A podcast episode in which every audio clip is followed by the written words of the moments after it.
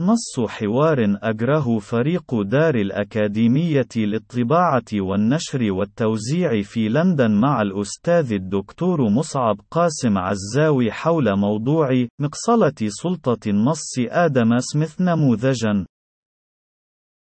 فريق دار الأكاديمية: ما هو رأيك بمسألة سلطة النص وإشكالية الاجتزاء منه؟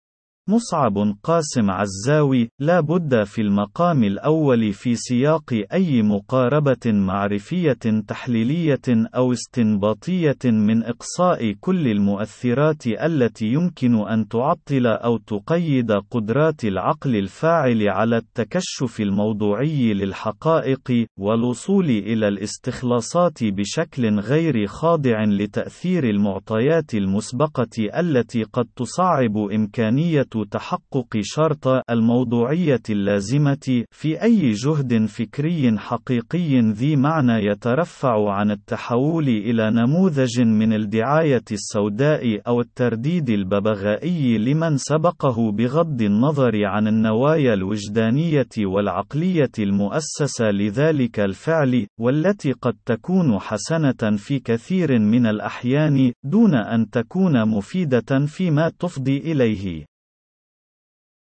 وبشكل أكثر تكثيفا فإن القبول بسلطة النص سواء ذلك المقدس منها، أو ذلك الذي أنجزه المجتهدون في عصور غابرة أو حتى المعاصرون منهم لا يتسق ولا يستقيم في حالة العمل الفكري الموضوعي، الذي يقتضي الالتزام اللصيق باستخدام أدوات العقلانية والرشاد والسبر المعرفي دون قيود مسبقة يفرضها التسليم الافتراضي بصحة ما أتى به أي كان، إذ أن الحقيقة الثابتة في الميدان المعرفي هو أن كل نتاج معرفي سالف هو أطروحة تستحق النظر إليها موضوعيا بأدوات البحث العلمي الرصين لإثبات صحتها أو نفي ذلك، وهو ما يعني أن النتاج المعرفي الصالح لكل زمان ومكان هو وهم تل تلفيقي لا يستقيم التسليم بصحته أبدا في سياق أي جهد بحثي موضوعي يتحلى بأبسط أدوات العمل المعرفي المنضبط.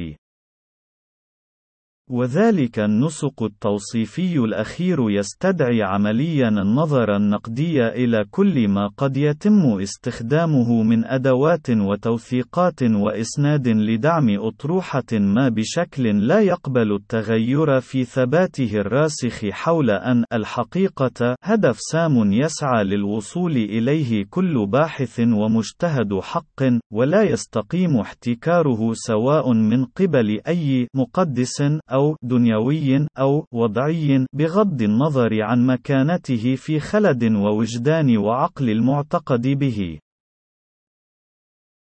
وفيما يخص الاجتزاء بالاتكاء على سلطة النص، فهو أسلوب رخيص وشائع لأجل لي عنق الحقيقة، عبر الاستفادة المخاتلة من عدم معرفة المتلقي الدقيقة لما قيل هنا أو هناك في النص أو مقول الشخص الذي يعتقد به سواء كان ذلك قدسيا أو بشريا. وهو نموذج شائع يتم اللعب عليه من قبل كل المتحذلقين العاملين في حيز تزييف الحقائق والتي غالبا ما تأتي صناعتها في سياق الهدف الجوهري الأسمى لها والمتمثل في توطيد هيمنة الأقوياء الأثرياء على المستضعفين المفقرين. ويتخذ التوصيف الأخير صورا مخزية في كثير من الأحيان، قد يكون المثال المبسط لتوصيفها هو حال الاتكاء الذي لا ينقطع في الفكر الغربي المعاصر المسوق لفضائل العولمة، موثقا صدقية ذلك بما قاله خير السلف الصالح ممثلا بمؤسس علم الاقتصاد السياسي، وأعني هنا الإسكتلندي آدم سميث، الذي يستند أولئك المؤدلجون من فئة خبراء الدعاية السوداء على كتابه ثروة الأمم الصادر في العام 1776 ورأي آدم سميث فيه عن ازدرائه للنظام التجاري والاستعماري البريطاني لتفارقه عن مبدأ التجارة الحرة وهو اجتزاء عامد متعمد من مقول آدم سميث الذي برر ازدراءه السالف الذكر تنظيريا وعلميا بأن تلك السياسات البريطانية التجارية والاستعمارية كانت قد آذت عموم الشعب البريطاني وتنفع منها بشكل شبه حصري التجار والصناعيون البريطانيون وهم الذين سماهم سميث في غير موضع من كتابه بمهندسي صناعة السياسة البريطانية. وذلك التوصيف الأخير يعني بشكل لا مواربة فيه تحليلا للصراع الطبقي بين المفقرين من عموم الشعب الذين لا بد لهم من دفع تكاليف الحروب الاستعمارية التي تخاض باسمهم وبين الطبقات المهيمنة التي تحصد نتائج تلك الحروب الاستعمارية كليانيا.